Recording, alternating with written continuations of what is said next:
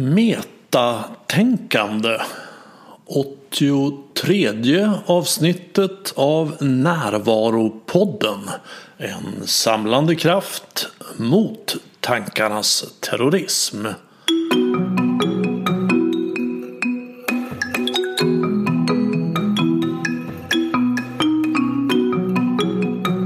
Det här är Bengt Renander. Metatänkande innebär att ställa sig vid sidan av sina tankar och bevittna dem lite utifrån. Du som har hört den här podden tidigare har hört mig prata om just det som ett väldigt effektivt sätt att stoppa tankarnas terrorism. När jag hörde att det finns en terapiform som heter Metacognitive Therapy, MCT, så väckte det naturligtvis min nyfikenhet. Och här har jag ett samtal med Göran Parmang som är legitimerad psykolog och psykoterapeut, specialist i klinisk psykologi och certifierad inom metakognitiv terapi. Vi pratar om att se tankar som mentala händelser i sinnet och inte verklighet. Om att en mogen människa alltid har ett val.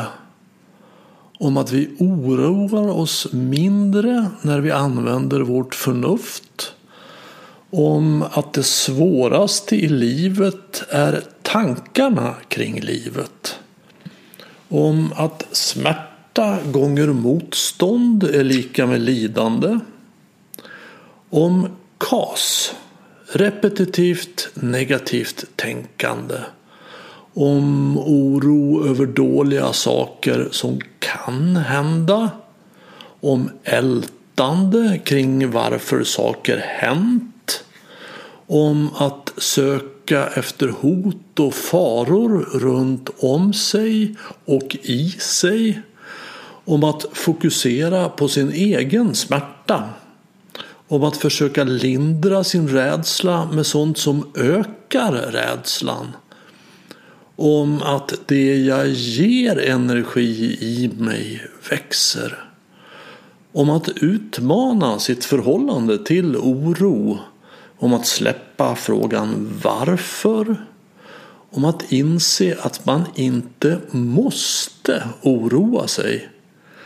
Om triggertankar och negativa automatiska tankar. Om att uppleva världen istället för att intressera sig för sina tankar. Om att vi kan välja var vi ska rikta vår uppmärksamhet om att vi många gånger tänker utan att det behövs. Och om att man aldrig kan veta om man oroar sig för rätt saker. Här är Göran Permang.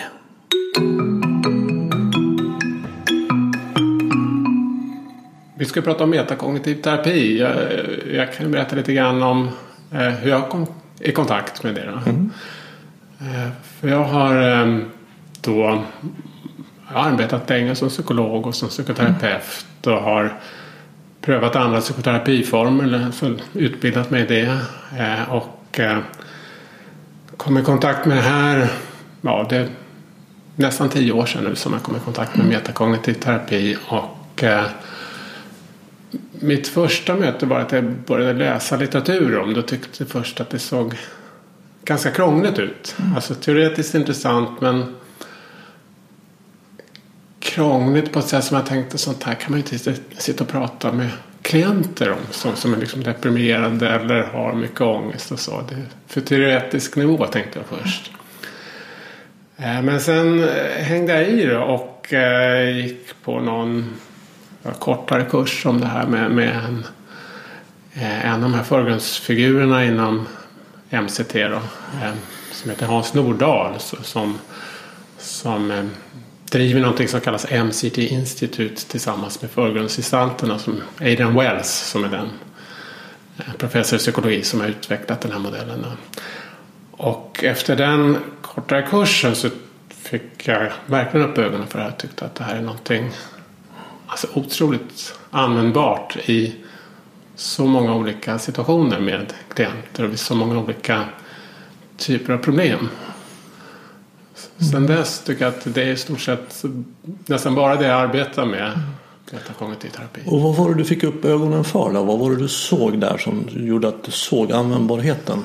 Jo, alltså jag tror att tidigare så det senaste jag har arbetat med annars är alltså kognitiv beteendeterapi. Mm. Och där hamnar man ofta i situationer av att Alltså man har en massa olika diagnoser. Sånt där, som panikångestsyndrom, social fobi, generaliserad ångest och, och depression och eh, många modeller för när det gäller KBT och behandling av sådana tillstånd. Det, det, det liksom bygger på att, att patienten har ett problem ungefär. Som paniksyndrom eller någonting. Medan det man ofta upptäcker är ju att så ser inte verkligheten ut. Utan människor har många problem. Man har ofta det man kallar alltså samsjuklighet eller komorbiditet. Att man kan ha ofta paniksyndrom, social fobi, depression, alkoholproblem. Man kan ha många problem samtidigt. Mm -hmm. Det är mhm. snarare det vanligare. Och den som är utbildad i olika sådana här manualer då för till exempel KBT hamnar ofta i problem. Men vilken manual ska jag välja nu då? Mm. Eh, och det här kommer man förbi i metakognitiv terapi eller MCT som vi förkortar till. Att, eh, att det, det är liksom en transdiagnostisk modell, alltså det är diagnosöverskridande. Så att eh, man jobbar med processer ska man säga, bortom de här diagnoserna.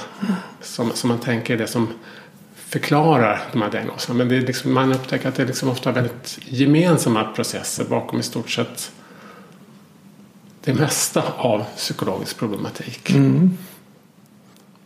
Om jag då skulle få gissa, så får du korrigera mm. mig, mm. Så, så, så, skulle jag då gissa att, att det i grunden handlar om hur man förhåller sig till sina tankar. Ja, det tycker jag är en väldigt bra gissning. Ja. ja. Och ja. att man ser att tankar är tankar, kanske mer som ja, mentala händelser i mm. sinnet mm. snarare än verklighet. Precis. Precis, så att det här är en, det, det kan man säga är en eh, väldigt bra utgångspunkt för metakognitiv terapi helt enkelt. Mm. Att vi människor har en tendens att blanda ihop tankar med fakta. Exakt. I MCT, och MCT är inte den första terapiformen som, som liksom lägger märke till det. Eller det finns eh, många som har lagt märke till det. Men i MCT kallar man det här för att vi har två olika modus eller tillstånd. Alltså man pratar om objektnivå eller objektmodus. Och då, vilket är det vanliga att vara i. Alltså, och det innebär att vi, vi förhåller oss till tankar ungefär som till fakta. Mm. Eh, eh, medan metakognitivt modus är liksom det andra moduset vi kan ha. Och det innebär att vi kan titta på våra tankar också. Mm. Det vill säga det är ganska stor skillnad mot att vara i den här tanken jag är ful och misslyckad. Mm. Till exempel. Jämfört med att ha nu har jag massa sådana tankar. Mm. Jag har en tanke om att jag är ful och misslyckad. Precis, det är ganska väsentlig skillnad. Det kan ja. låta som en lek med ord. Ja. Men, men, det är en enorm skillnad. Ja, det är det är. Därför att vi ser ju också att vi är många. För att det här är ju liksom. Man säger MCT är en psykologisk behandling, en behandlingsmetod. Mm. Eh, för människor som ofta söker för problem med olika ångesttillstånd eller depression eller så. Och, och när man är i sådana psykologiska svårigheter så, så är det ofta att man liksom inte riktigt upptäcker det där. Mm. Utan att, att det är tankarna som är problemet. Mm. Utan kan uppleva det som att problemet är att jag är svag och misslyckad till exempel. Eller problemet är att jag misslyckas med allting jag företar mig. Mm. Medan om man lyfter det till en nivå att det är en massa tankar du har om dig själv och dina förutsättningar och så vidare som du kan lyssna väldigt mycket på och göra viktiga eller som du kanske kan göra mindre viktiga. Mm. Mm, nej, jag, jag ser ja. att, att, det, det där klickar in exakt i hur jag arbetar också. Jag har något annat språkbruk. Mm. Ja, ja. Det du kallar för modus 1 Ja, kallar jag ja. för identifikation med egot. Alltså att jag, jag är identifierad med mina tankar. Jag skiljer inte på tankar och verklighet. Precis. Och eh, det du kallar för modus 2 det kallar jag att, hitta till sitt själv. Eller att vakna upp ur tankarnas drömvärld. Ja, ja. Och hitta sig till sig själv. Och det menar jag är den jag är när jag är närvarande. Ja. Som kan ha tankarna utan att vara dem. Mm, Och där kan jag också använda mitt förnuft. Min visdom och se, är det, är det här rimligt? Mm, Och väldigt ofta så är det ju inte det. Precis. När man jobbar med det här som en behandlingsmetod, metakognitiv terapi, så, så är det liksom förutsatt att man behöver ha den här metakognitiva dialogen. Därför att det är först då som vi kan, ungefär som jag uppfattat beskrivningen, så- som vi kan välja också. Absolut. Eh, eh, Det är klart att jag kan hålla på att engagera mig i sådana tankar om hur eländigt mitt liv är till exempel. Men jag kan också bestämma mig för att eh, men varför ska jag göra det? Ja. Jag tror jag fokuserar på något annat Ja. istället. Vad vill jag själv? Ja. Vad vill Ja. jag utifrån den här platsen som har tankarna men inte är dem? Och det är ju väldigt sällan att sitta och i en sorts eh, metaforisk bemärkelse slå sig själv i huvudet med en hammare. Mm. Eh, Att, att, det gör verkligen ont Ja. när jag tänker de här. Ja. Men när jag identifierar med dem så är det så att jag måste göra det. Ja. För det här är ju sant. Det är ja, verklighet. precis. Man får inte riktigt det perspektivet och de valmöjligheterna. Nej, exakt. Så att komma till då modus 2 eller komma till självet det är ju också då att få ett val. Precis som du säger. Ja. Och det är för mig själva innebörden i att vara en mogen människa. Men det är intressant att du säger med mogen människa. För att om, om, eh, om vi tar det med metakognitiv terapi så, så får vi ofta den frågan om det här att kunna tänka om sina tankar och, och resonera om hur förhåller jag mig till mina tankar och måste jag verkligen lyssna på de där tankarna? Måste man inte vara väldigt begåvad och väldigt mogen människa för att kunna göra så? Och det är lite intressant därför att vi ser ju att sånt här kan man prata med barn om. Och det finns en del studier från Danmark till exempel där man har jobbat med den här metoden med, med alltså, 7, 8, 9-åringar. Eh, visserligen med ett språk anpassat för barn då, men, men där man kan prata om att ja, behöver du lyssna på den där tanken? Ja, sådana tankar kan man ha. Kan du låta dem vara så länge? Ungefär. Absolut. Så, Ja. ja. Så det du understryker är ju att, att mognad inte nödvändigtvis kommer med ålder. Så är det. ja, så är det. Och det, det kan vi vara, Ja. det, det håller jag helt Ja, med om. ja. Men, men jag menar att en omogen människa är identifierad med sina tankar som väcker känslor som skapar en reaktion som Mm. jag inte har något val i förhållande till. Utan när du säger sådär då blir jag arg och när jag är arg då måste jag göra det här. Ja, ja. Alltså jag är fast i ett spår som jag inte kommer ur. Precis. Och, och, och samtidigt tänker vi här också att om man ska prata om vad en mogen människa och sådär så, så tänker vi oss att så jag brukar beskriva här ungefär som att eh, det handlar som sagt om hur vi relaterar till våra tankar. Och lika väl som jag kan hålla på och engagera mig i mina tankar och liksom hålla på och brottas med dem kan jag också ta det här steget tillbaka och bara passivt betrakta dem en stund. Eller göra ingenting med dem. Ja. Eh, och det tänker vi, det kanske inte är någon mognadsprocess utan det är kanske någonting jag kan göra här och nu. Så Absolut. en omedelbar handling egentligen. Och så försöker vi ofta jobba i, i, i terapin med våra klienter att eh, det kanske inte handlar om någon långvarig process där utan är det här någonting du kan göra nu? Ska Absolut. vi testa och så vidare. Absolut, och, och det håller jag helt med om. Alltså, ett annat sätt att uttrycka det, om ska ett annat språkbruk, är att få ett andligt uppvaknande. Och, och, och för, för många människor, liksom jag, förknippar ordet andlighet med en ganska stor flummighet. Är så- Och där, dit vill jag inte gå. Jag vill ha en krispig verklighet. Vad händer på riktigt? Ett andligt uppvaknande är för mig det minst flummiga en människa kan vara med om. För det jag vaknar till är verkligheten. Och det jag vaknar ur är tankarnas illusion. Ja, Och ett andligt uppvaknande kan gå Mm. Så fort. Ja, ja, ja. Och vi använder väl olika språkbruk här. Exakt, jag. Och, exakt. Och, och jag tänker igen om man ska bara återvända till eh, metakognitiv terapi. Det är en terapimetod som utvecklades någon gång i början på 1990-talet. Och eh, med en väldigt stark förankring i, i, i kognitiv psykologi som, som liksom är ett stort område inom psykologin. Då.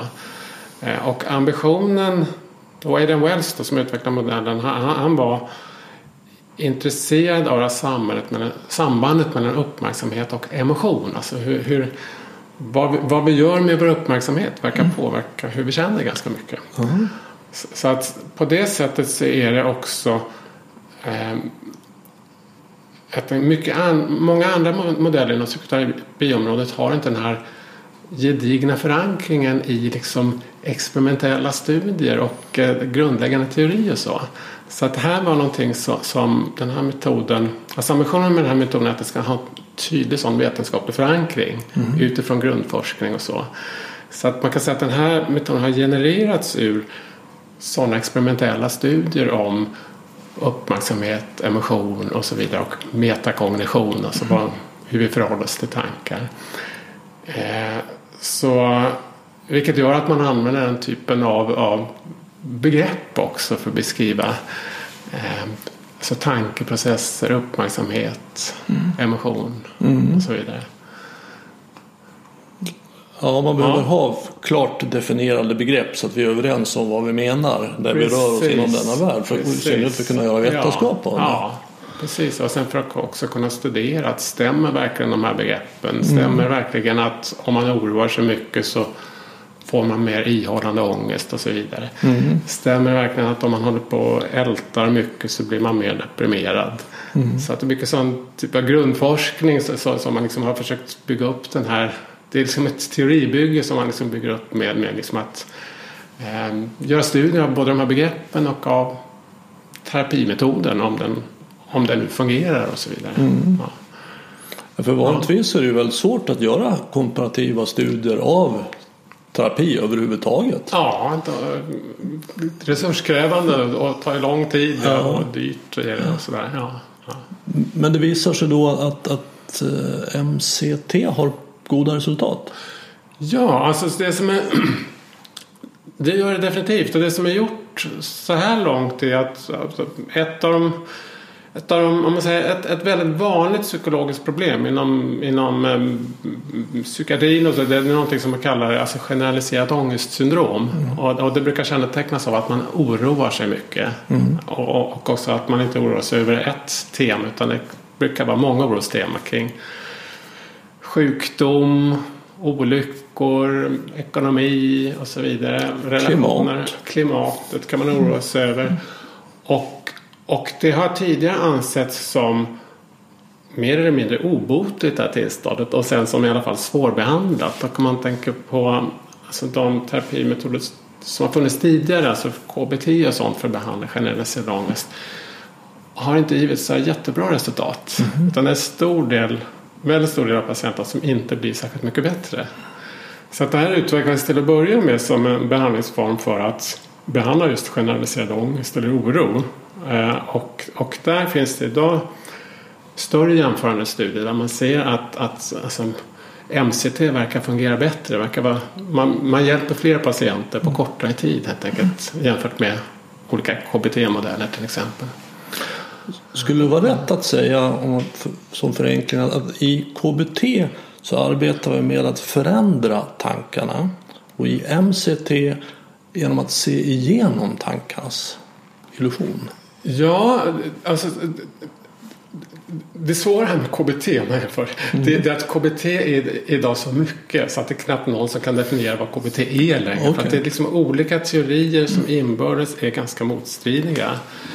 Eh, och som, eh, eh, så bara det blir liksom en svårighet att prata om KBT. Men, men, och, och, eh, men många av KBT-modellerna, där kan, håller man på liksom och eh, precis eh, undersöka innehållet i orostankarna. Om jag oroar mig för att tänk om jag har cancer till exempel.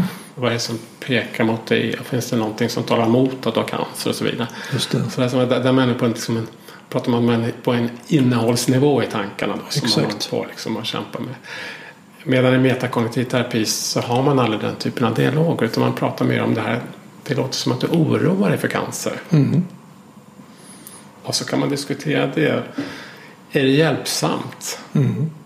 Eh, oroar dig för mycket eller för lite? Om du tycker att du oroar dig för mycket går det att oroa sig mindre och så vidare. Mm. Eh, så Ja. man pratar om det som en tankeprocess snarare än om en på innehållsnivå. Ja, för man tar inte innehållet så allvarligt. Så här är att man samtidigt så här att det är någonting annat som, som jag tycker är väldigt snyggt med MCT. Det, det är att man säger så här, sanningsinnehållet i tankarna spelar ingen roll i den här metoden. Därför att eh, det förekommer att man prövar den här metoden också på cancerpatienter faktiskt. Eller hjärtpatienter. Man har sådana studier pågående i Storbritannien. Och där man kan veta att ja, du har haft cancer. Risken för att du ska få tillbaka den är jättehög.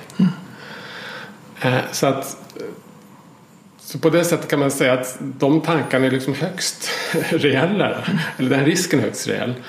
Men man kommer ändå tillbaka till det här. Men hjälpen att oroa sig. Och kanske kommer man fram till att oavsett om jag får tillbaka min cancer eller inte. Det skulle vara skönt att kunna tänka på någonting annat. Och- Och jag menar, det går ju att vidga till gruppen även utanför som människor som fått cancer. För vi kommer Absolut. alla att dö. Så är det ju. Och det är inte ja. bara en risk, det är ett faktum. Det är ett faktum, ja. ja. Ja, och, och vad ska vi göra med livet fram till den punkten? Ja, ja. och det tycker jag är intressant det du säger. Vi ska alla dö. Men behöver vi gå och tänka på det hela tiden? Ja, är, är det att till, ta tillvara på sitt liv på ett bra sätt? Precis. Och, och där svarar ju de flesta nej det är det ju naturligtvis inte. Och, och paradoxalt nog så verkar det ju som att de som får ett dödsbesked, absolut inte alla, men i alla fall några som får veta att du har tre månader kvar att leva.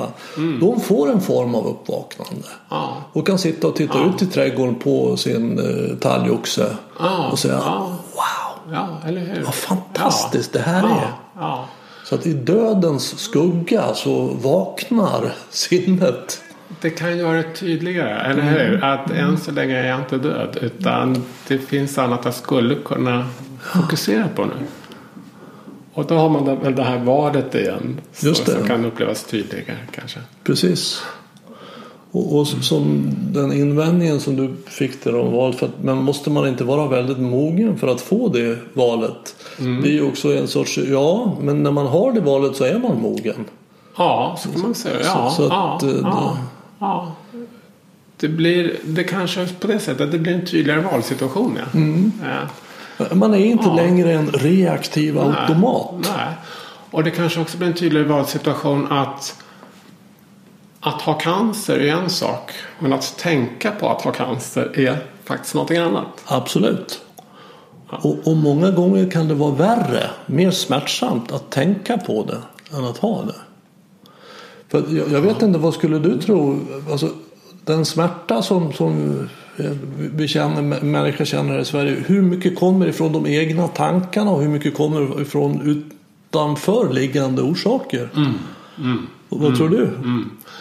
Eh, Det där är en väldigt intressant fråga tycker jag. Svår att svara på. Men jag menar, jag menar om jag får välja mellan att ha cancer och inte ha cancer vet jag vad jag väljer. Ja, det är klart. Ja, det är klart. ja. Men annars tycker jag att vi ser precis det du säger. Att, att väldigt många gånger när man undersöker vad är det som är svårast med det här. Så kommer man ofta tillbaka till det är alla tankarna på det.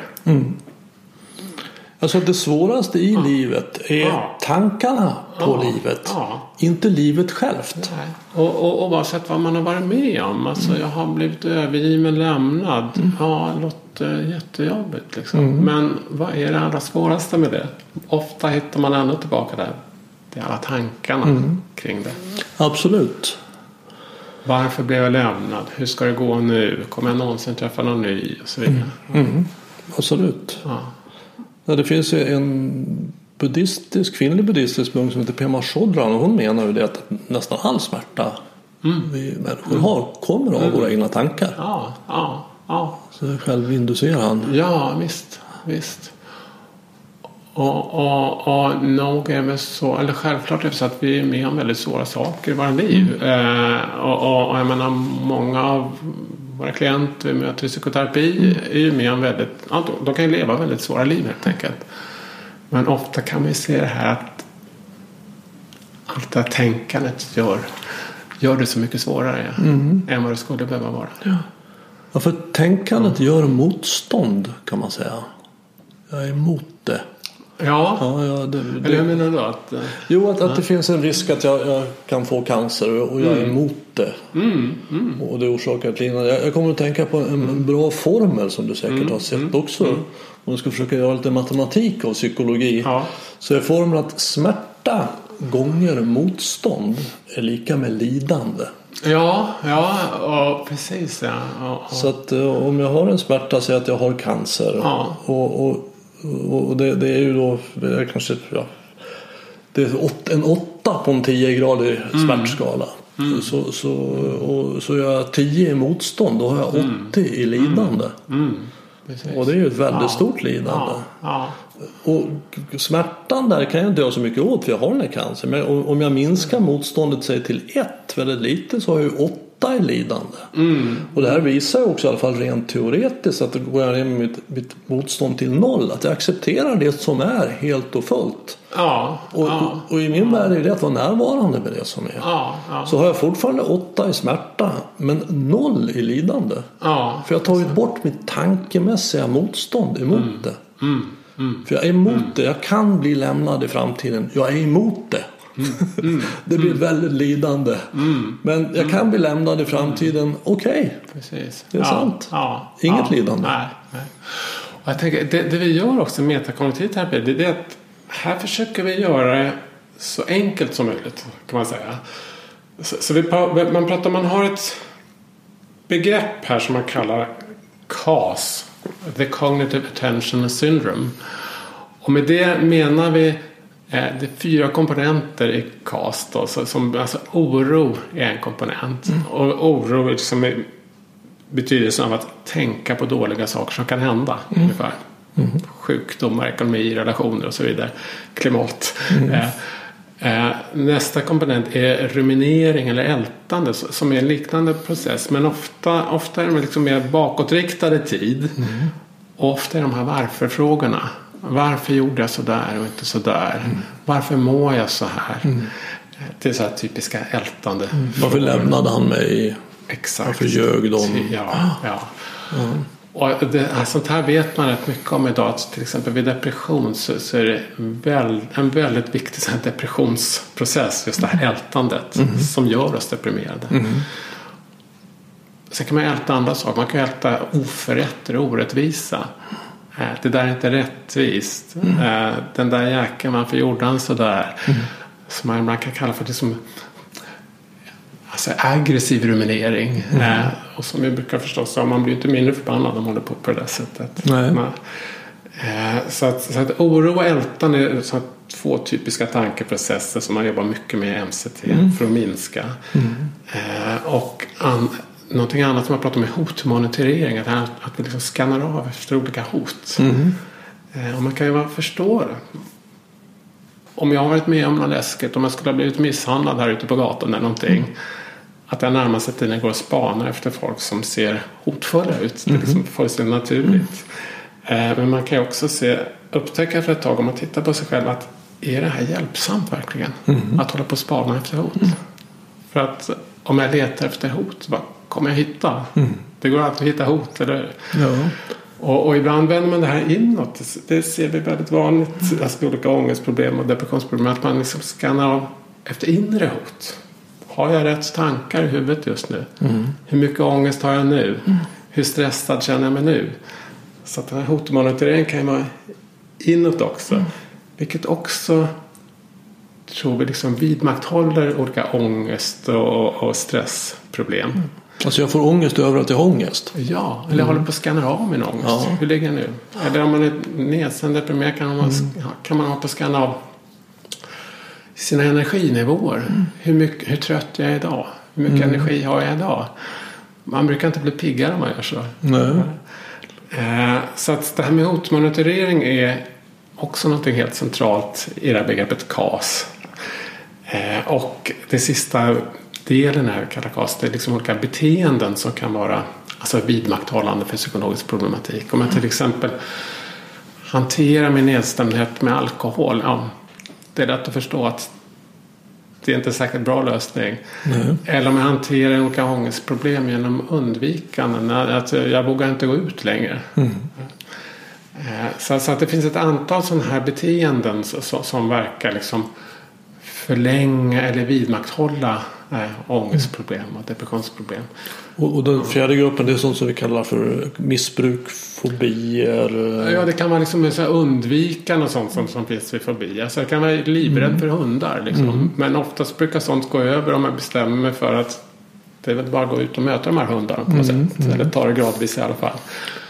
Eh, Men, men, att, Men, men det där bara finns ju inte för en sån. så kan det vara. Ja. Men lika väl där ska man kunna titta över.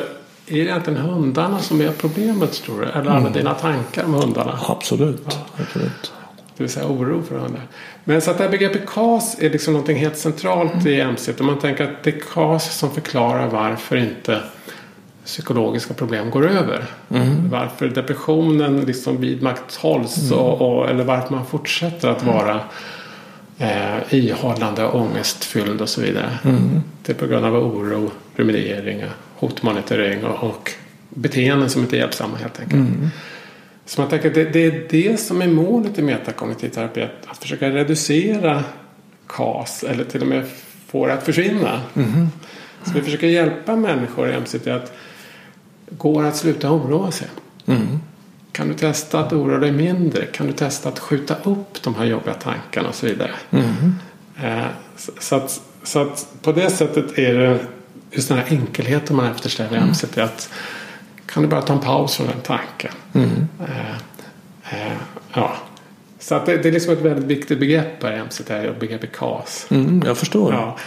Och sen ett annat begrepp, så, så det, det heter metakognitiv terapi. Det, det handlar om, alltså metakognition handlar om hur vi tankar om tankarna och tankar det. om tankeprocesserna. Och man tänker sådär, varför håller människor på med KAS om det nu inte är särskilt bra för oss? Då tänker jag det förklaras av metakognition. Och på det sättet att om jag har positiva antaganden om att det är bra att oroa sig. Det håller mig Just det, trygg. Ja. just det. det minskar risken för att jag ska få cancer. Det gör att jag, det minskar risken för att jag ska bli övergiven och så vidare. Ja, det är ansvarsfullt rent av att eller oroa sig. hur? Det Ja. är ansvarsfullt. Det håller mig trygg och så vidare. Det är det man kallar positiva metaantaganden om oro till exempel. Ja, det verkar logiskt att man fortsätter oroa sig i så fall. Ja. Och samtidigt håller vi på i metakognitiv terapi som ett utmana den typen av föreställningar. Stämmer verkligen det här? Ja, blir man verkligen tryggare av att oroa sig? Eller kan vara det här med att älta ruminera. Jag måste förstå varför jag är så nedstämd. Just det. Varför det? Blir du mindre nedstämd av det? Eller kan det vara så att det faktiskt förlänger din depression? Absolut. Övertänkande. Ja. Frågan varför är ju en väldigt deprimerande fråga. För det finns alltid ett varför. Även om man hittat då varför så är det nästa varför. Man upptäcker ofta att det tar aldrig slut de här varför-frågorna. Och man, ofta kan man också upptäcka att de här frågorna är det liksom att du går från klarhet till klarhet eller känns det som att du trasslar in dig med dina tankar? Ja, det är ju så det blir. Ja, ja. Så jag brukar tänka när, när varför ältarna dyker upp i mig så brukar jag tänka Big Bang. Ja, just det. För där har vi ursprunget. Ja, ja. Och vad som har hänt sedan dess Ja. det är inte speciellt intressant.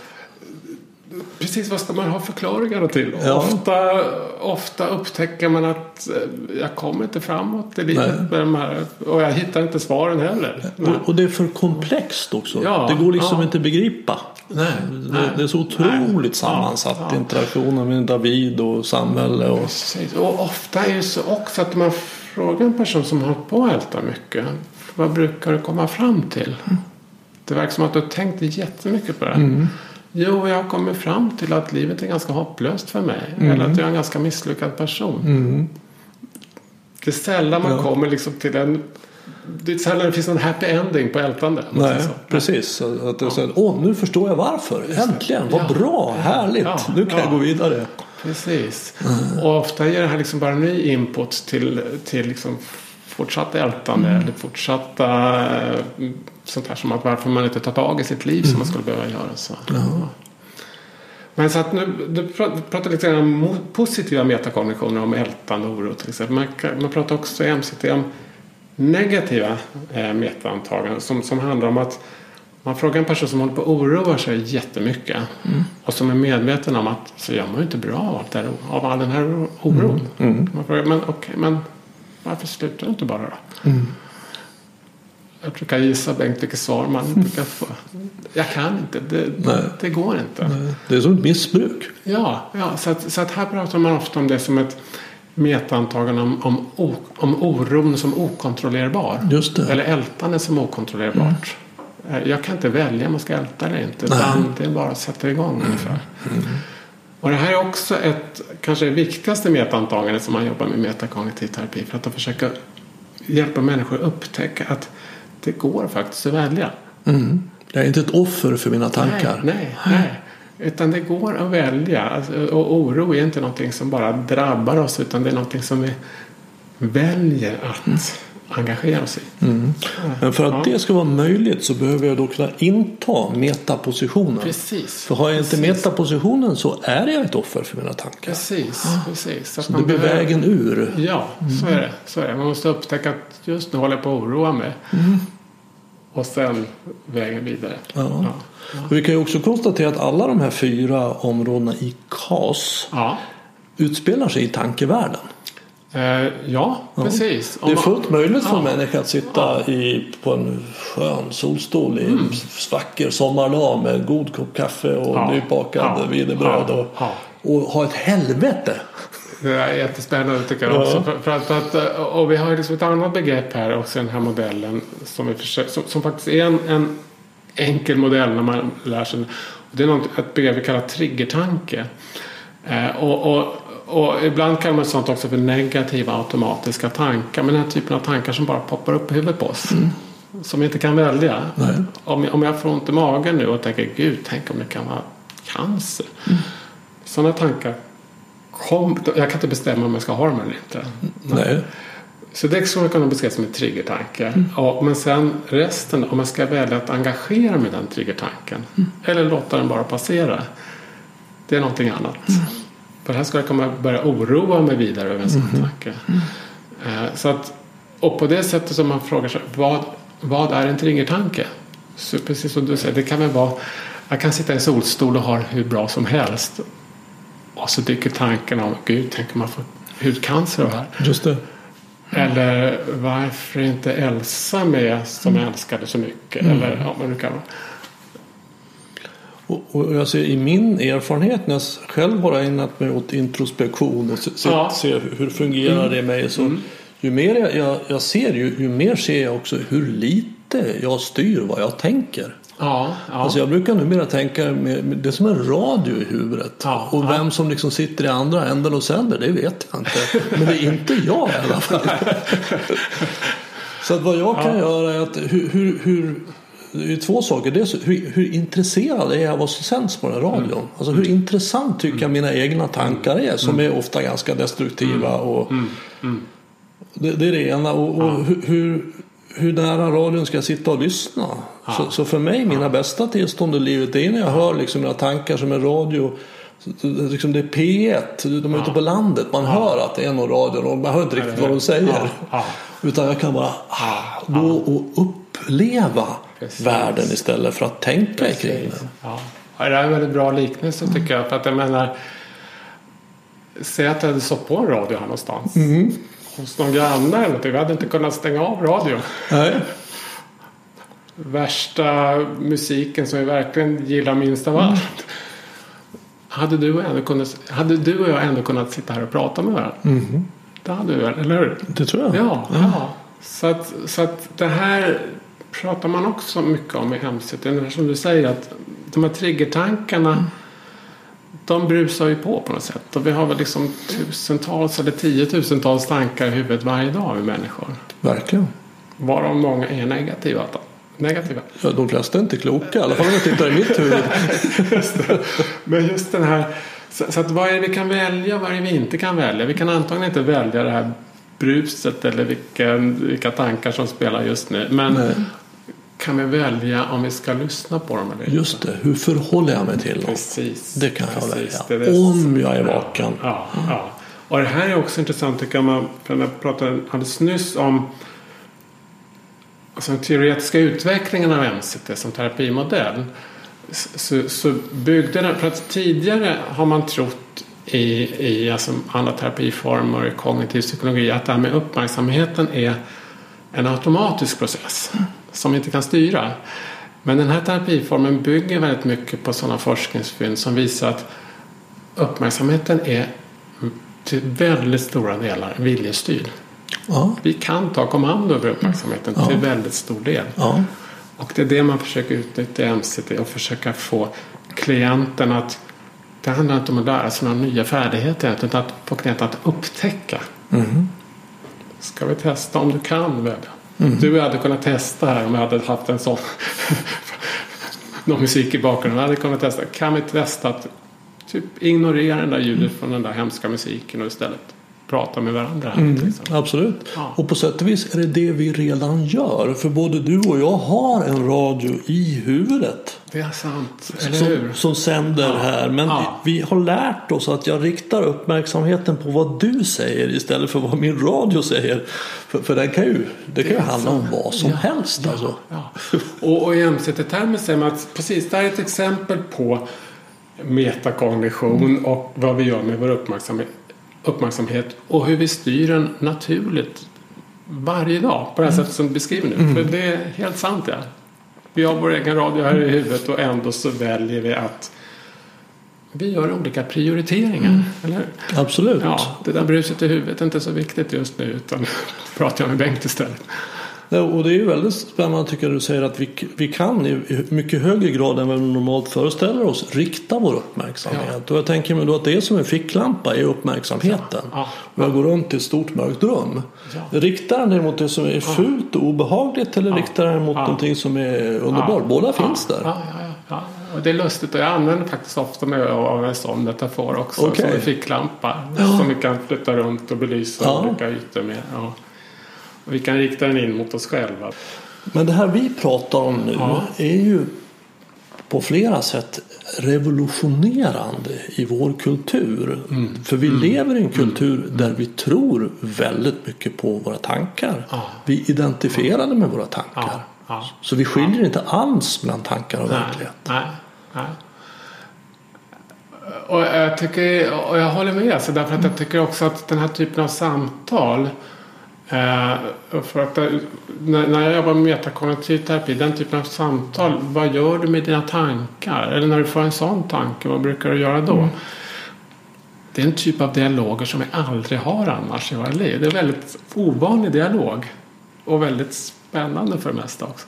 Ja, för att, att många människor, alltså det kommer upp en tanke om att nu har du varit elak mot mig eller Ja, sagt någonting ja, som är ja, nedsättande mig. ja, och, och då är ja. det sant och det är ditt fel. Ja, precis. Och, och, det vi pratar om här är ju egentligen raka motsatsen till det. Att, att det är något som har uppstått i mig och som jag egentligen inte rår över men jag kan ta en metaposition utifrån det Ja. och se är det här rimligt, vettigt, sant? Ja, ja. Och man skulle också kunna prata om att ja, så kanske det var. Den här personen kanske var elak mot dig. Sånt händer ju. Ja, Men hur mycket ska gå att tänka på det? ja Är det hjälpsamt att tänka vidare på det? absolut. Vilken makt ska jag ge den människan Ja, som ja. ville vara elak mot mig? Ja, ja. och är det, så, är det så jag vill använda min uppmärksamhet just nu? Just det. Och det här innebär ju att dels så får jag en frihet men jag får ju också ett ansvar. Ja, så, För jag ser i, vilk, i, i, hur hög grad jag faktiskt är ansvarig för vad jag gör med mina tankar. För nu har jag ju ett val. Och, och utan ansvar, utan val så har jag, kan jag ju knappast eh, hållas för att vara ansvarig. nej, nej. Men med Ja. så har jag ett ansvar. Så jag är ansvarig för mitt liv. Precis, ja. Det, både ansvar och eh, just den här känslan av att kunna välja ger ju en, en, en, känsla, en helt annan känsla att kunna påverka mitt liv, eller hur? Verkligen. Ja. Alltså, jag tycker att mitt liv har blivit så mycket enklare. Mm. Alltså det har inte blivit märkvärdigare men det är bara så här Ja, ja. ja. enkelt. Jag sitter och tittar på talg också. Ja. Äta det här wienerbrödet och dricka Ja, kaffe. Det är som ja, ja. de säger om zenbuddhismen att, att, att äta när man äter och sova när man sover och arbeta när man arbetar. Precis. Och, och jag tänker att det finns ju faktiskt eh, rätt mycket kunskap om sånt här idag. Så kunskap som inte fanns för 20 år sedan. Alltså det här med, med de här alltså oro och ältande som tankeprocesser. För att jag menar när, eh,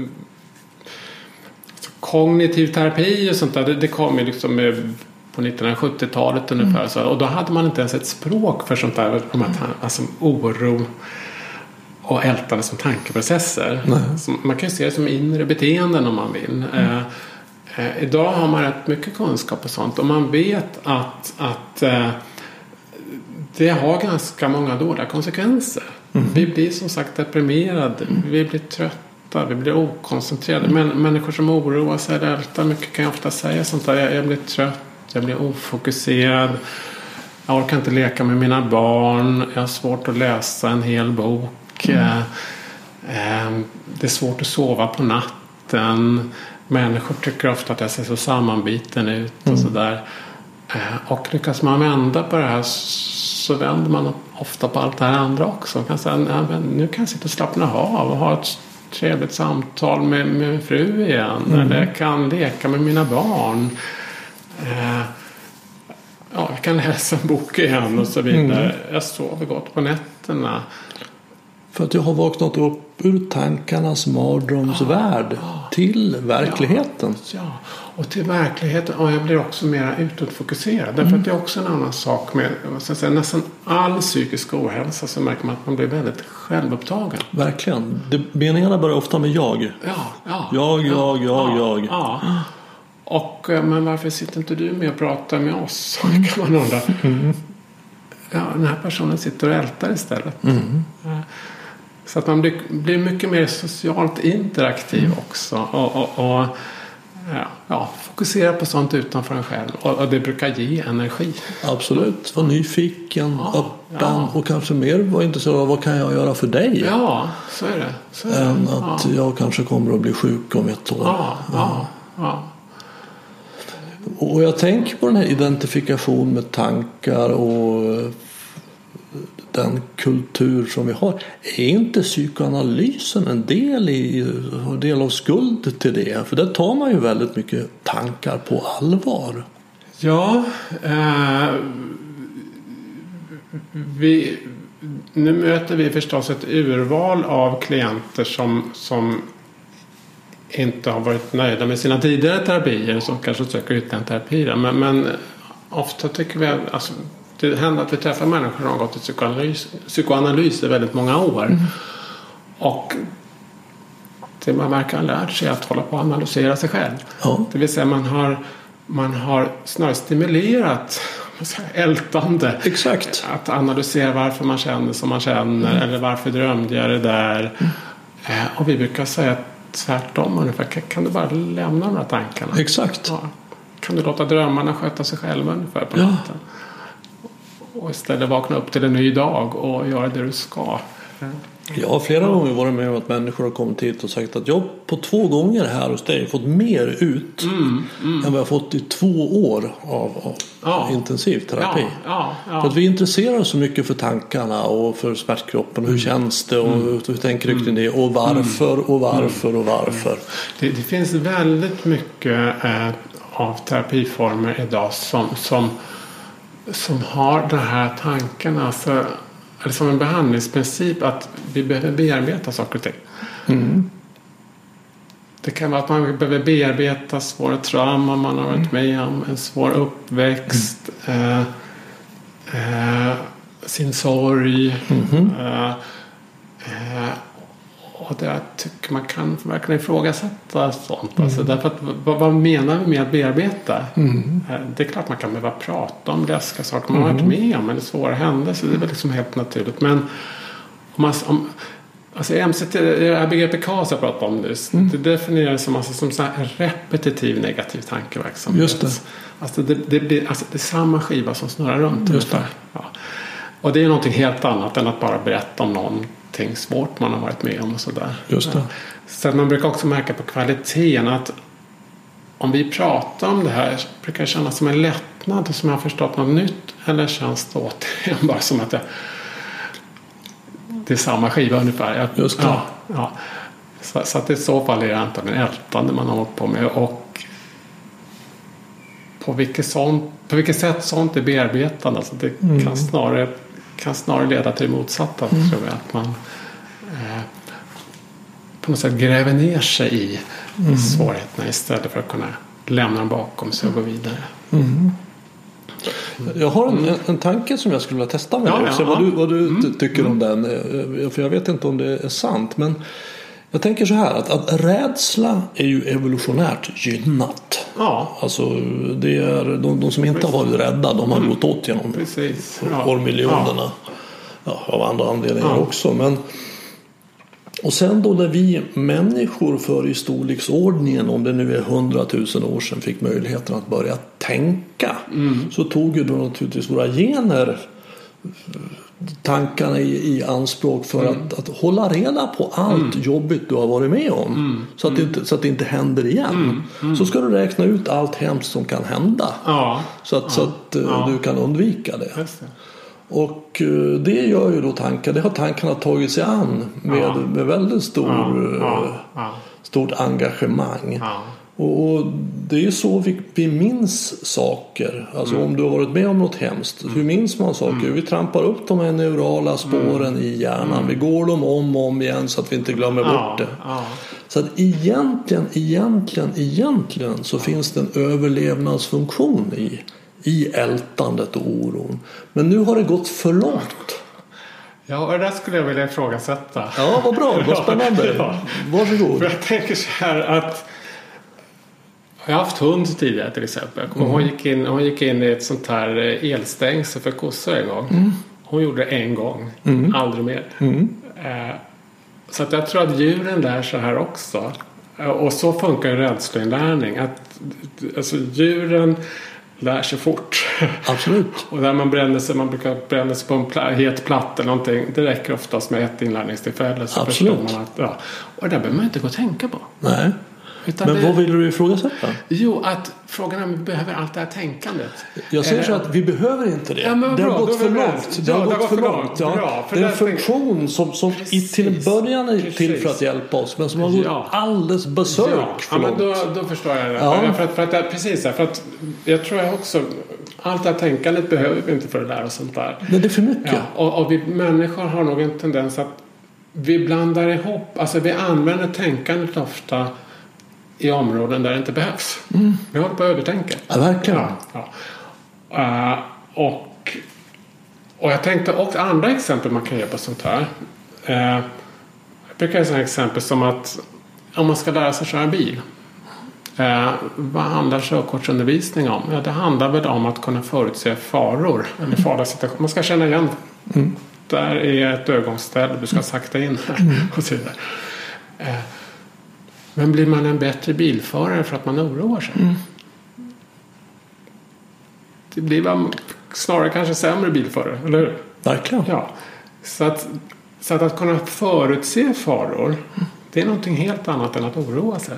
Ska man kunna säga. Absolut. Ja.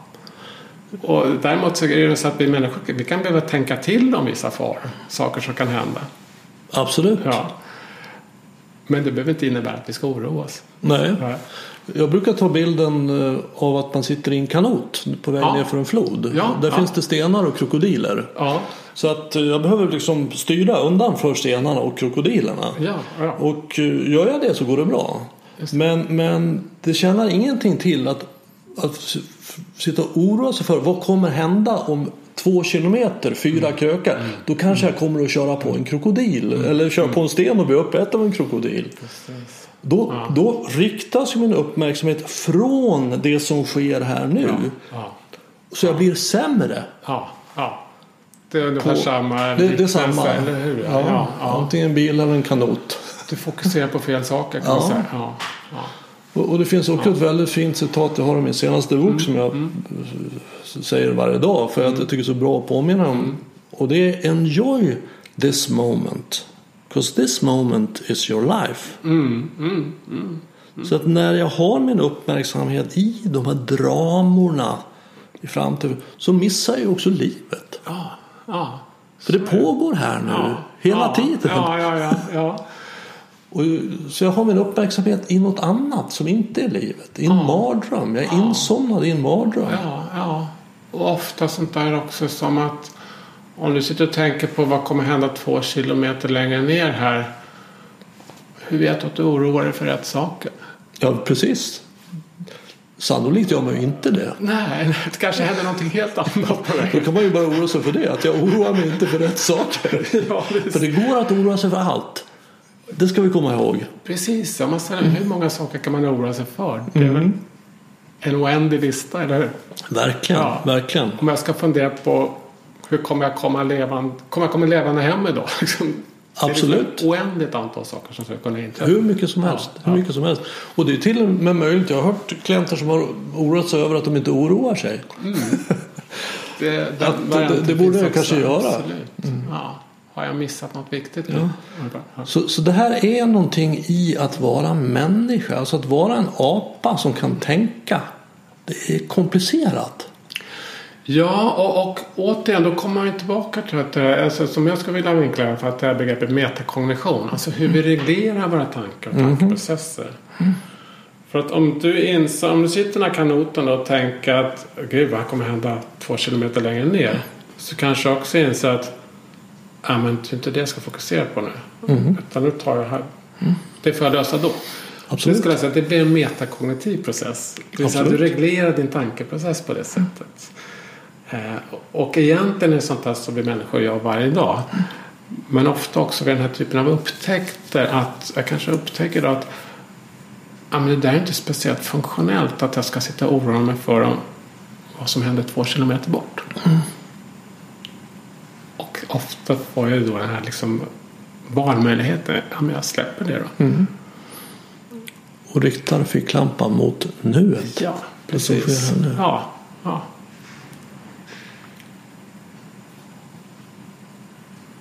Eller om jag inser att kommer jag komma levande hem idag. Ja, varför ska jag tänka på det? Och hur vet jag att jag oroar mig för rätt saker? Det är kanske lika bra att lägga ner hela det där projektet. Utan får vi ta saker som kommer istället. Ja. Ja. Ja, nej, jag brukar säga det ibland att, att eh, den där oron du har där, det, det är ju ingenting. Alltså, du kan ju trilla ner för trappen när du går här. Går, går ut och oroa sig för det. Så att när man Ja. liksom hur vet du att du oroar för rätt saker? Öppna upp en fråga som faktiskt öppnar upp för att man ser hur Precis. ja, både fåfängt på ett Ja, sätt den här ja. oron är. Ja, ja, ja. Som att jag skulle veta vad som händer om fyra kilometer Ja, eller om precis. fyra år. Eller... Ja, ja. Men det, det vi gör liksom i den här terapiformen också det är att vi har den här typen av dialoger som, som du och jag har nu kan man säga. Eh, Men vi tänker oss också att ja, man kan inte lära sig cykla genom att prata om det. Nej. Så därför gör vi också ett antal olika övningar också för, för, liksom, för att stärka den här upplevelsen av att jag kan välja vad jag lägger, vart jag riktar min uppmärksamhet till exempel. Eller jag kan välja att ta en paus från tankarna och, och, och så vidare. Så att, eh, just därför att vi tänker att det här handlar väldigt mycket om man säga, upplevelsebaserad kunskap eller det man kallar procedural kunskap. Eh, Alltså den som är jätteduktig och spelar piano kan sällan beskriva hur man gör i ord, eller hur? Utan det är någon slags Väldigt tyst mycket kunskap. kunskap är ju upplevelsebaserat. Alltså, Ja, hur, hur ja. smakar en, en banan? Ja, men precis. precis. Förklara det om du kan. Ja, ja, eller hur? Ja. Så vad gör du för övningar då? Jag blir nyfiken. Eh, Ja, så vi gör olika övningar där vi, där vi är... Jag hinner inte gå igenom det nu den här podden i detalj som, som, som handlar om att... eh, En sån här tanke om att eh, om jag skulle ha en person som är väldigt upptagen av okej, tänk om jag har cancer. Ja, läskig tanke. Eh, kan du låta den tanken bara vara för en stund tror jag. Mhm. Kan vi sätta på paus så fortsätter du och jag prata om någonting annat. Mhm. Till exempel. Ja, Den här senaste kanotturen du gjorde, kan du inte berätta mer om det? okej. ja. eh, Så att vi gör olika sådana övningar som handlar om att, liksom att skifta fokus. Mhm. Kunna ta en paus från tankarna. Eh, och det handlar inte alls om att få tyst på några tankar eller så. Eller försöka stänga dem ute. Utan bara, ja men visst, låt den här tanken vara där nu. Men kan du ändå göra ingenting med den. Mm. Så liksom här, olika övningar. Så, så, så vi har det här begreppet detached mindfulness. Som är just det att notera en tanke men för stunden inte göra någonting med den. Nej. Utan att bara identifiera den som tanke. Ja, ja, ja. Och, och vad som händer då föreställer jag mig är ju att, att, att väldigt mycket av de problem som jag, upp, som jag har, upplever mig ha Mm. Blir lösta. Inte så att de blir lösta att man hittar en lösning utan de upphör som problem. De spricker som såpbubblor för man ser att det här var endast ett problem i tankevärlden. Till exempel att jag är för lång eller är för kort. det är ju, ett- kan ju vara ett jätteproblem. ja. Men, ja. men sa, det är en tanke. Det beror på vem jag jämför mig med. Jag har den längd jag har. Det, Ja. det går bra. Ja. Jag har inte ändrat min längd. Så jag har inte löst problemet. Nej, men problemet nej. har upphört att existera. För det fanns inte i verkligheten. Ja, och ofta är det precis på det sättet. Att man upptäcker att det här var ett tankeproblem. Och det upphör att existera man slutar tänka på det. Eh, andra gånger kan man ju se att, eh, att man har verkligen svåra utmaningar i sitt liv.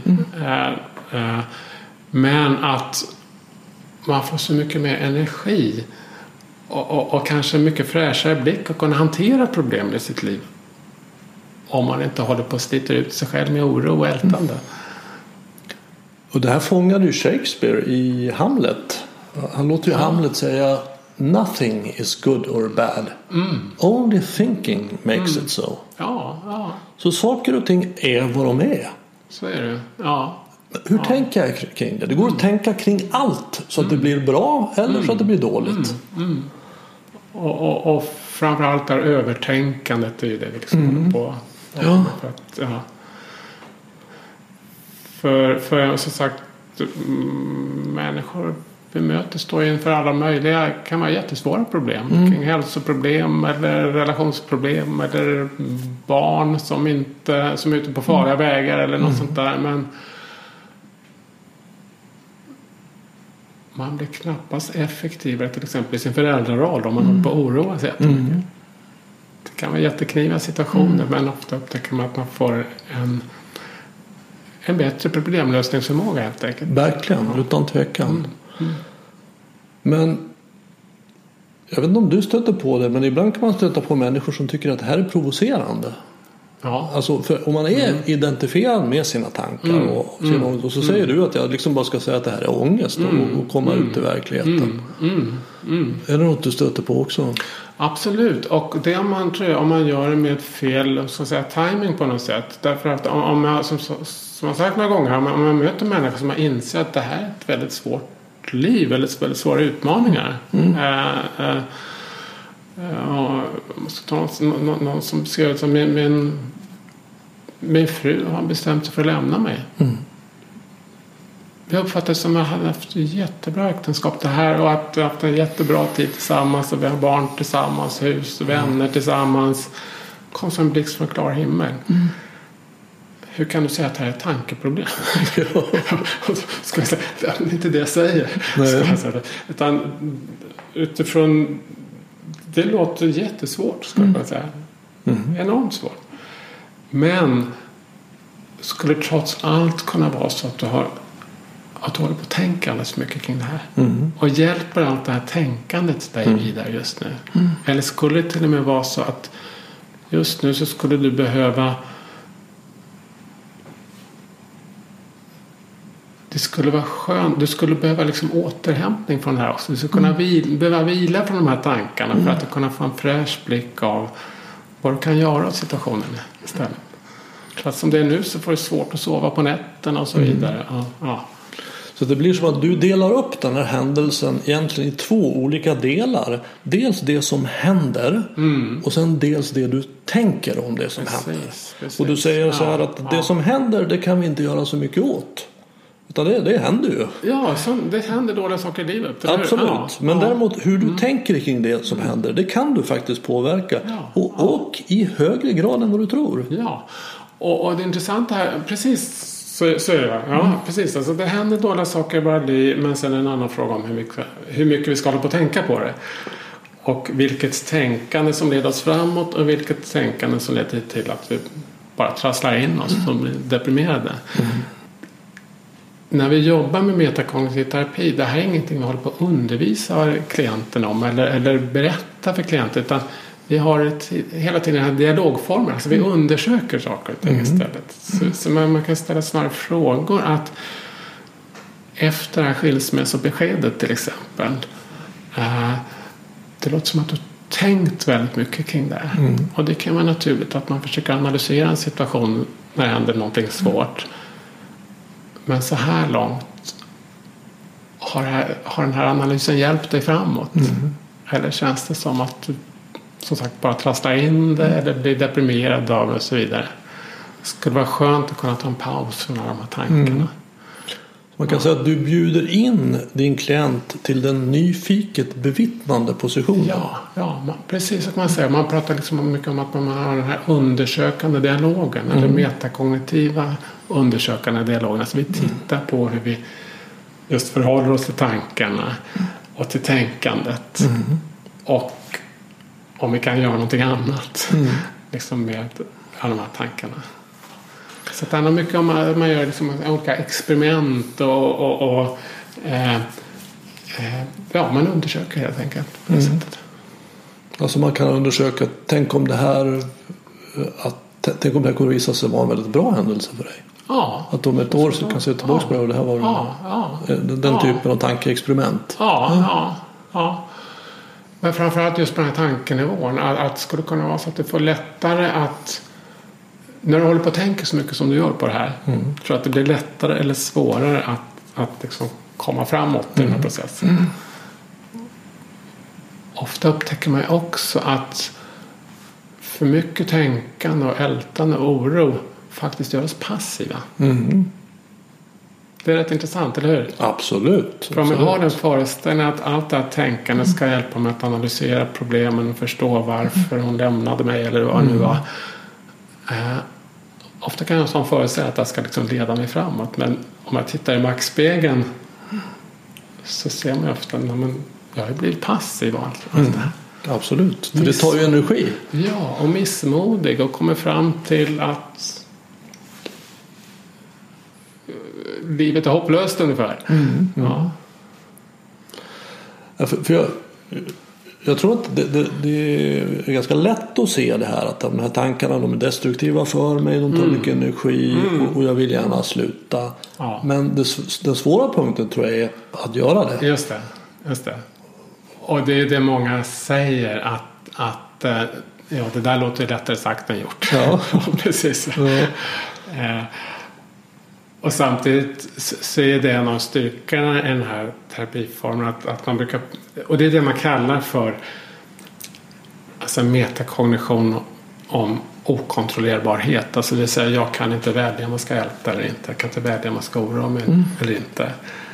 Eh, och, och, det, det är kanske den viktigaste eh, antagandet att, att försöka förändra i terapi. Och det brukar man kunna göra för mesta ganska fort faktiskt. Okej. Ja, Hur, ja. hur gör du då? Jag skulle kunna göra till exempel, jag du, du använde den här ficklampsmetaforen för en stund sedan. Eh, och om du skulle vara väldigt upptagen av liksom en sorglig händelse i ditt liv och, och känna jag kan inte, det känns som bara att tra- trampa runt i de här tankarna, jag kommer inte framåt. Vi ska kunna göra en övning just nu. Det hade bättre bara. Men kan, kan du titta runt här i rummet och beskriva vad du ser? Kan du börja med att titta ut genom fönstret och beskriva vad som finns där ute? Så detaljerat som möjligt. Du kanske kan beskriva hur ljus och skuggor faller där ute. Du kanske kan beskriva de olika nyanserna i färgerna. Sen kan du beskriva där borta i bokhyllan vad du ser för bokryggar och så vidare. Eh, tror du att du hade kunnat följa sådana instruktioner? De flesta människor kan följa sådana instruktioner. Ja. Och efter en stund när man frågar också. Du, var är alla de här negativa tankarna nu någonstans? Så brukar man upptäcka att oj, de försvann i bakgrunden. De kanske försvann helt och hållet till och med en stund. Och så kan man diskutera och varför gjorde de det? Jo, jag gjorde någonting annat med min uppmärksamhet nu. Just det. Det Du riktar den från tankevärlden till upplevelsevärlden. Ja, ja, ja. Från framtid, förflutet till nuet. Ja, ja kan man säga. Men man skulle också kunna göra något sånt här med, med att eh, skulle lika gärna kunna ha samma principer och be det. Kan du, lika väl som du tänker på det här sorgliga, kan, kan du beskriva den här tiden när det var som lyckligast i äktenskapet då? Ert första barn och så vidare. Kan vara, vad, vad, ja, hur är hon? Vad, vad är det som är... Och så vidare. Man ska kunna få en person att beskriva ganska mycket och ganska detaljerat om, en, om ett positivt minne till exempel. Och så kan man fråga, du, var är de här negativa tankarna nu? Ofta kommer man upptäcka då att antingen att jag glömde bort dem för en stund eller de i alla fall i bakgrunden väldigt mycket. Och då ska man kunna säga igen, vad var det vi gjorde? Jo, jag, jag skiftade fokus, eller hur? Och fortfarande i och för sig i mina tankar den här gången. Där. Men just den här processen av att kunna flytta på ficklampan. där. Ja, jag tycker en viktig insikt är ju hur det är att vara människa. Och det, för att vi vill ju ändra tankarna men det vi egentligen vill ändra är ju känslorna. Ja, ja. Vi ska ju komma ihåg det att, att, att tankar väcker känslor. Eh, filmer väcker känslor. Och verkligheten som händer i verkligheten väcker känslor. Men känslorna skiljer inte på de tre. De vet inte riktigt var det kommer ifrån. Så att det känns likadant att, att vara rädd för att bli anfallen av en varg som att, att bli anfallen av en varg. Det är väl liknande. Eller se en film där jag blir anfallen av en varg. De blir det. Absolut. Ja, ja. Så, så vad vi lär oss är att, att se igenom att den här känslan som känns som eh, att jag, mitt liv är hotat. Kom, det finns ingenting här i verkligheten som genererar den känslan. Så då kommer det förmodligen från en tanke. Eller om jag ser på en film. Nej det gör jag inte. Men, eh, och, och inse att jag kan släppa det. Ja. Så att jag kan rikta. Jag, jag kan vara trygg och rikta fokuset, fokuset hit istället. Ja, ja. För det är ju rädsla i grunden som tankarna håller på med. Jag- Jag vill skydda mig, jag vill förbereda mig, jag vill eh, se till att det inte händer igen. Och det problematiska här är ju att ofta hamnar vi i ett läge när vi upptäcker vad är det jag är rädd för? Och det är mina egna tankar. Ja, Eller mina egna känslor. Och då har man ju ett dilemma alltså. verkligen. Ja. Det hjälper inte att flytta till ett annat land. Nej, det gör inte det. Det gör inte det. Ofta så ser vi att det är liksom ofta sånt som... Ah, Det här begreppet KAS som jag pratade om förut. Det, det beskriver man ofta också som hanterande strategier. Man försöker hantera stress genom att oroa mig eller Just det. grubbla. Ja. Och ibland hanterar man ju genom alkohol. Just det. Men problemet är ju bara att allt det här är ju liksom dåligt fungerande hanterande strategier.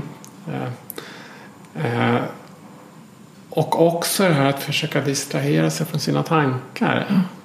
Ja, många gör det liksom med alkohol, dricka sig redlöst berusade ungefär för att få tyst på tankarna. Eller ja, det finns en massa andra saker man gör för att försöka få tyst på tankarna. Men hela tiden kring det här temat att jag är rädd för mina tankar. Verkligen. Så mycket sånt sysslar man också med i MCT. Behöver man vara rädd för sina tankar? Eh, Ja. Och för mig är, det, är ju acceptans en viktig nyckel från tankevärlden till Ja. upplevelsevärlden. Ja. Att jag kan säga Ja. okej. Att nu har jag de här tankarna, okej. Så. För att om jag, annars är det ju fullt möjligt att vara börja oroa sig över att jag oroar mig. Ja. Jag är emot att Ja. jag tänker det här. Ja. Och då, då ger jag ännu mer energi till det här Just det. tankesnurren. Mm. Så, för, så acceptans att, så att jag har de här tankarna och det kan, jag märker att jag kommer inte ur dem men då är det okej. Då får det vara okej. Det går bra. Mm. Ja. De får vara där. Ja.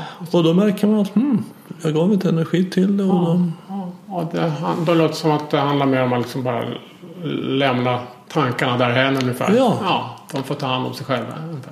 Absolut. Ja, jag ja, tänker på det engelska uttrycket What you resist persist. Mm, så kan man säga. Precis. Att, det- att vara emot sina negativa tankar. Att vara negativ till sina Ja. negativa tankar. Ja. Kan verkligen få dem att stanna kvar. Precis. Och, och här i MCT pratar man mycket om att, där vi, återigen det här begreppet KAS.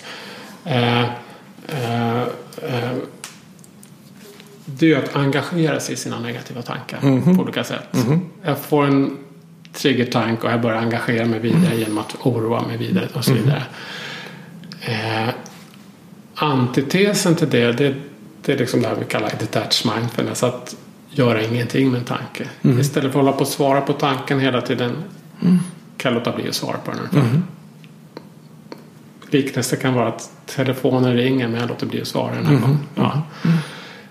Eh, eh, och på det sättet som du säger det här att what, will, what you resist will persist. Så kan man också säga att att försöka motverka en tanke det är väl att engagera sig i den. Mhm, Absolut. Ja.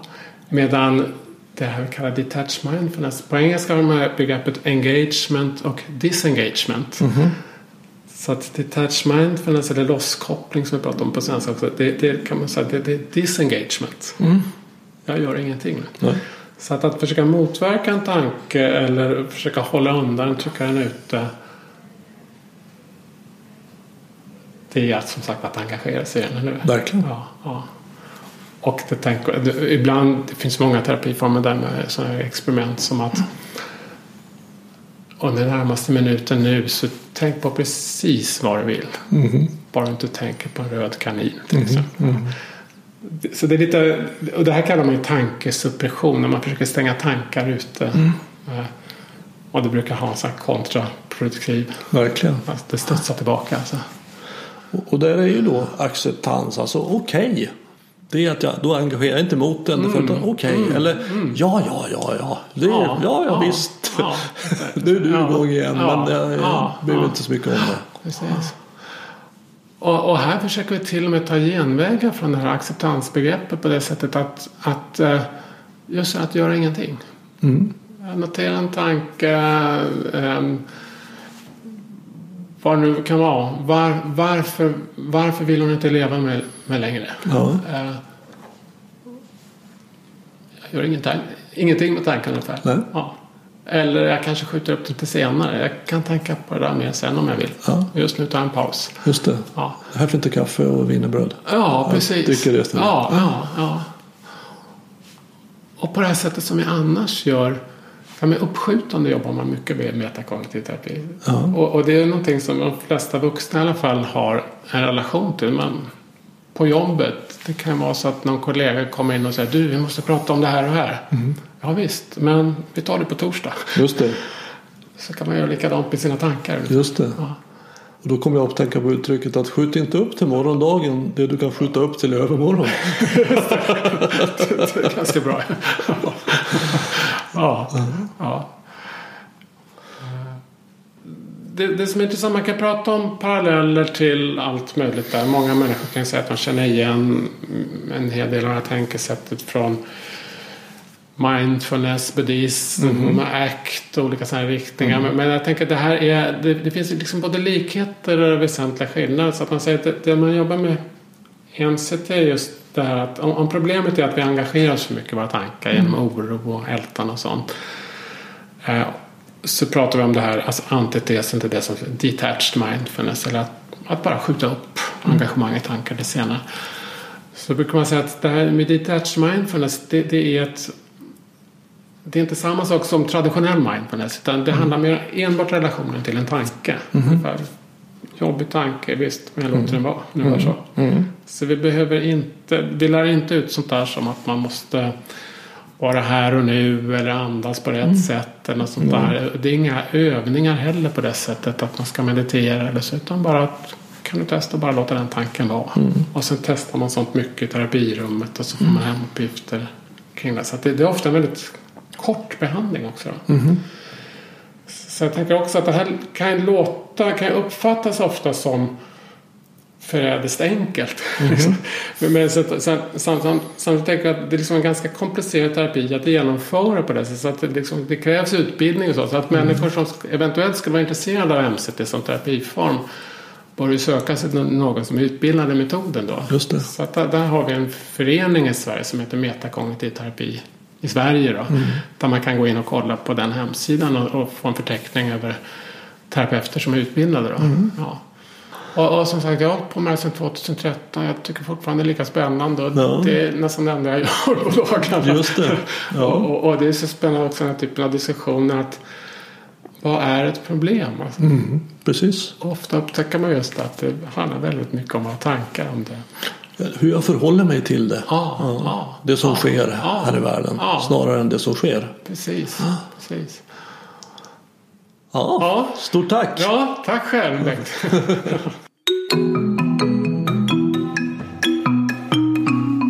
Om du vill veta mer om Görans arbete eller komma i kontakt med honom så finns en länk till hans hemsida i anslutning till det här avsnittet på min hemsida renander.nu.